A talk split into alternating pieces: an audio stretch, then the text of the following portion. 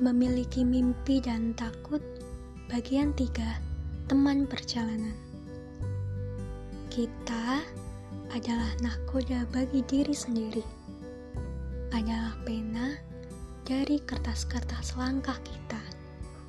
Adalah kuas dari pikiran-pikiran kita. Pikiranku, tolong jadi teman perjalanan yang baik untukku yang mampu memahami diriku sepenuhnya, yang mempercayaiku apa pun yang terjadi, yang mampu menguatkanku di saat situasi apa pun.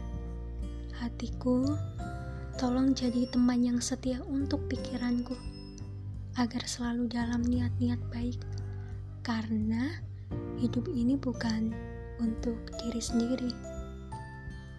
Untuk diriku, jadilah teman terbaik perjalanan hidupku.